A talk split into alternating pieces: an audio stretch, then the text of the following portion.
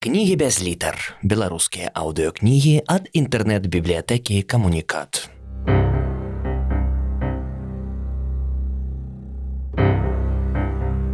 Адам Глобус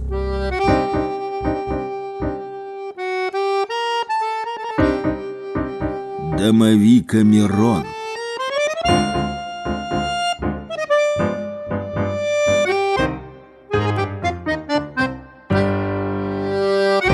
Раздел 66. Дамавік 7. Самотная жанчына вярталася з працы. Жыла яна ў 16павярховіку на апошнім паверсе ў аднапакаёўцы. Як і вядзецца, лямпачкі ў пад'ездзе скралі і паразбівалі. Жанчыне давялося на вобмацак шукаць ліфтавую кнопку. Нарэшце пластыкавы цыліндрык утапіўся ў адтуліну, у далёкай вышыні ляснула і заскрыгатала жалезе, цыліндрык наліўся сакаўным крывавым святлом.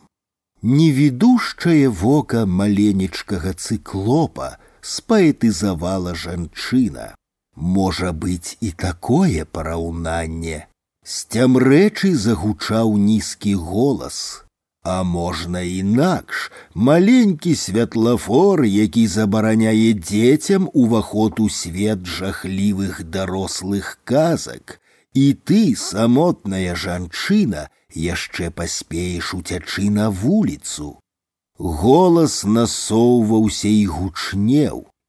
Толькі з вуліцы, каб трапіць дамоў, давядзецца зноў вярнуцца ў пад'езд, а тут у самым кутку чакаць му я, дамавік. Мужчына, перастаньце хуліганіць, калі выпілі, дык лавіце сваю асалоду і ціхенька ідзіце прэч, я не з палахлівых кабетак. Яна выхапіла з сумачкі газавы балонік. Дарэмныя намаганні. Пад шум рассоўвання ліфтавых дзвярэй паўшчуваў дамавік. Бляклае святло абліло дзве постаці, акуратную жаночую у дэмісезонным палітончыку і велічную дамавікову ў скураным плашчы і чорнай фуражцы з кароткім брыльком. Жанчына ўскінула руку і наставіла слёзатачывы пульверызатар у густабароды твар. Нават такога маленькага бога, як дамавік, газ не бярэ. Ён стомлена ўздыхнуў. Зараз пераканаемся. Непалахлівая жанчына пусціла газавы струмень у добразычлівы твар. Ну, што я казаў, толькі балонік дарэмна скарыстала, заходзь у ліфт і без дурноты мне. Хто вы? Ворашнасць ахапіла жанчыну і мурашовыя натоўпы пабеглі па халадзелай спіне. Газ, ён павінен быў вас спыніць. Рукі, забраныя ў скураныя пальчаткі, падштурхнулі яе да ліфтавае кабіны. Жанчына ад перапалоху раптам звяла, ногі зрабіліся не свае, свет паплыў. Свядомасць выпарылася з цела і запырхала, замітусілася легкакрылым матыльком. Дамавік падхапіў непрытомнае цела пад пахі і зацягнуў ліфт. На шаснаццатым паверсе ён паклаў жанчыну на гумовы ходнік. Яна так і не ачуняла, пакуль дамавік ваяваў новенькай адмычкай з французскім замком, Ён мог бы, вядома, дастаць сапраўдныя ключы з валіскі ў самлелай гаспадыні, але браць чужое без дазволу дамавік не любіў. Нашто зрэшты праўдзівы ключ, калі маеш універсальную адмычку, зробленую ўласнаручна. Раней яму даводзілася насіць цэлую маністу разнакаліберных ключоў, але пасля стварэння суперадмычкі патрэба ў манісце адпала, як той хвост у паланёнай яшчаркі. Інструмент усталяваўся ў замочную адтуліну і сам прымаў патрэбную форму і адсоўваў засаўкі. Дамавік па праву ганарыўся сваім вынаходніцтвам, калі ўцягваў кватэру непрытомную гаспадыню. Пакуль тая не вярнулася да памяці, ён зрабіў экскурсію па памяшканнях. Нічога асаблівага дамавік не адзначыў, адно спыніўся каля палічкі з кнігамі. Побач з камбінатарычным дэсадам там выструніўся пунктірны батай, за ім раскірэчаная таміна кітайскага эрасу, да якой туліўся мілы бунін са сваімі цёмнымі алеямі. Асобнік мілеравага тропіка рака выглядаў нечапаным, як і ангельскія папулярныя энцыклапедыі ў польскіх перакладах. Фундаментальны дэкамерон дэманстраваў перавагу перад гептамеронам. З паліцы дамавік узяў родную, зразумелую блізкую кнігу, легенды і паданні з серыі народная творчасць. З яе і прачытаў у 111 раз, жыў быў у адной хаце вуш дамавік. Гаспадар ніколі не крыўдзіў яго, гаспадыня, падаіўшы карову, не прамінала пачаставаць яго цёплым малаком. Ну а дзеці прымалі вужа дамавіка ў супольныя гульні. Трэба і мне перахапіць нечага.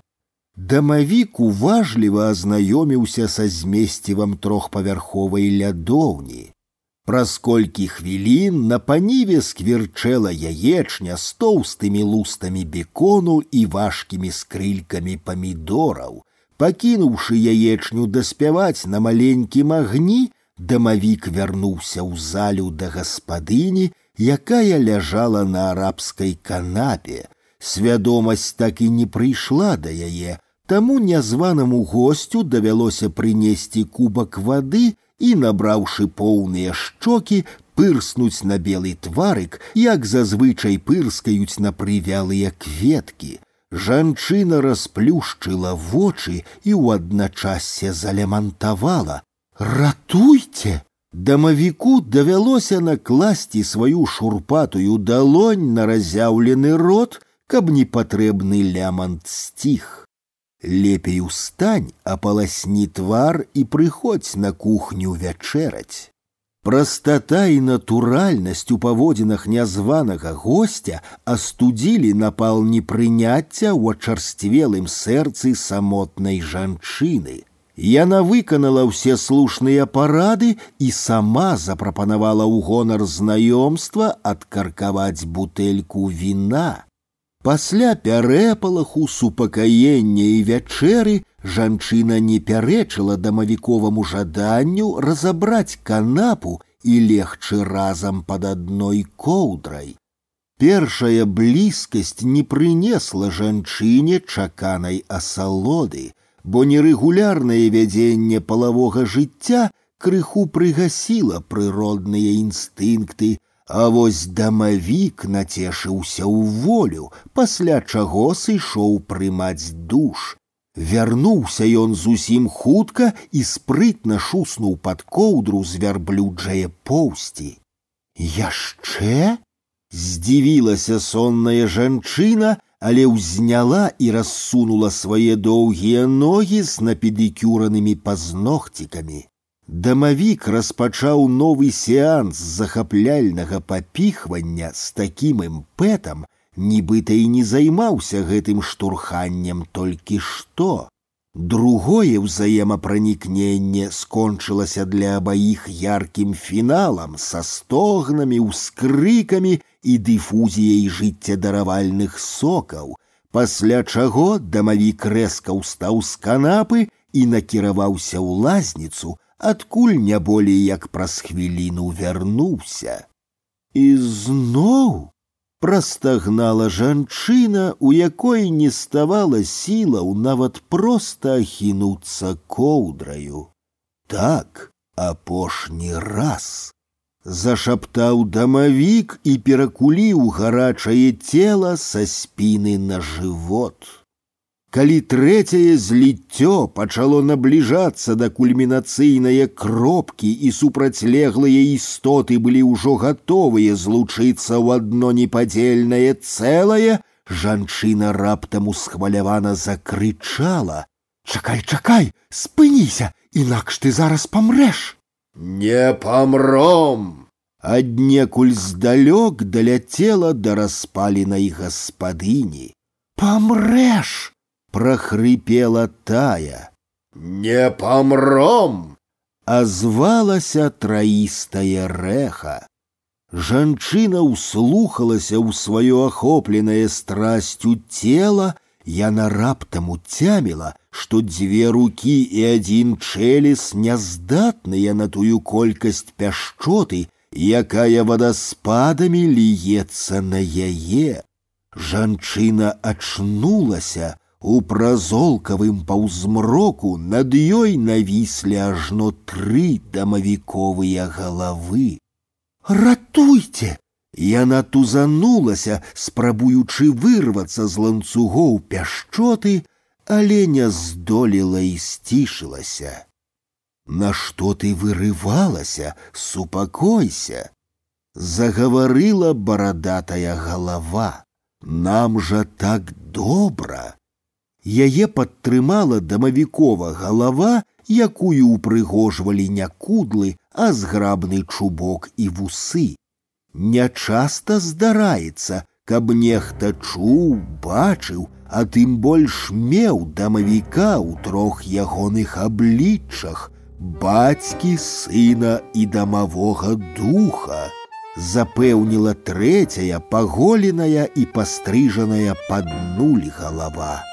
Жанчына скарылася з лёсам і яе асалодам не было канца краю аж да раніцы.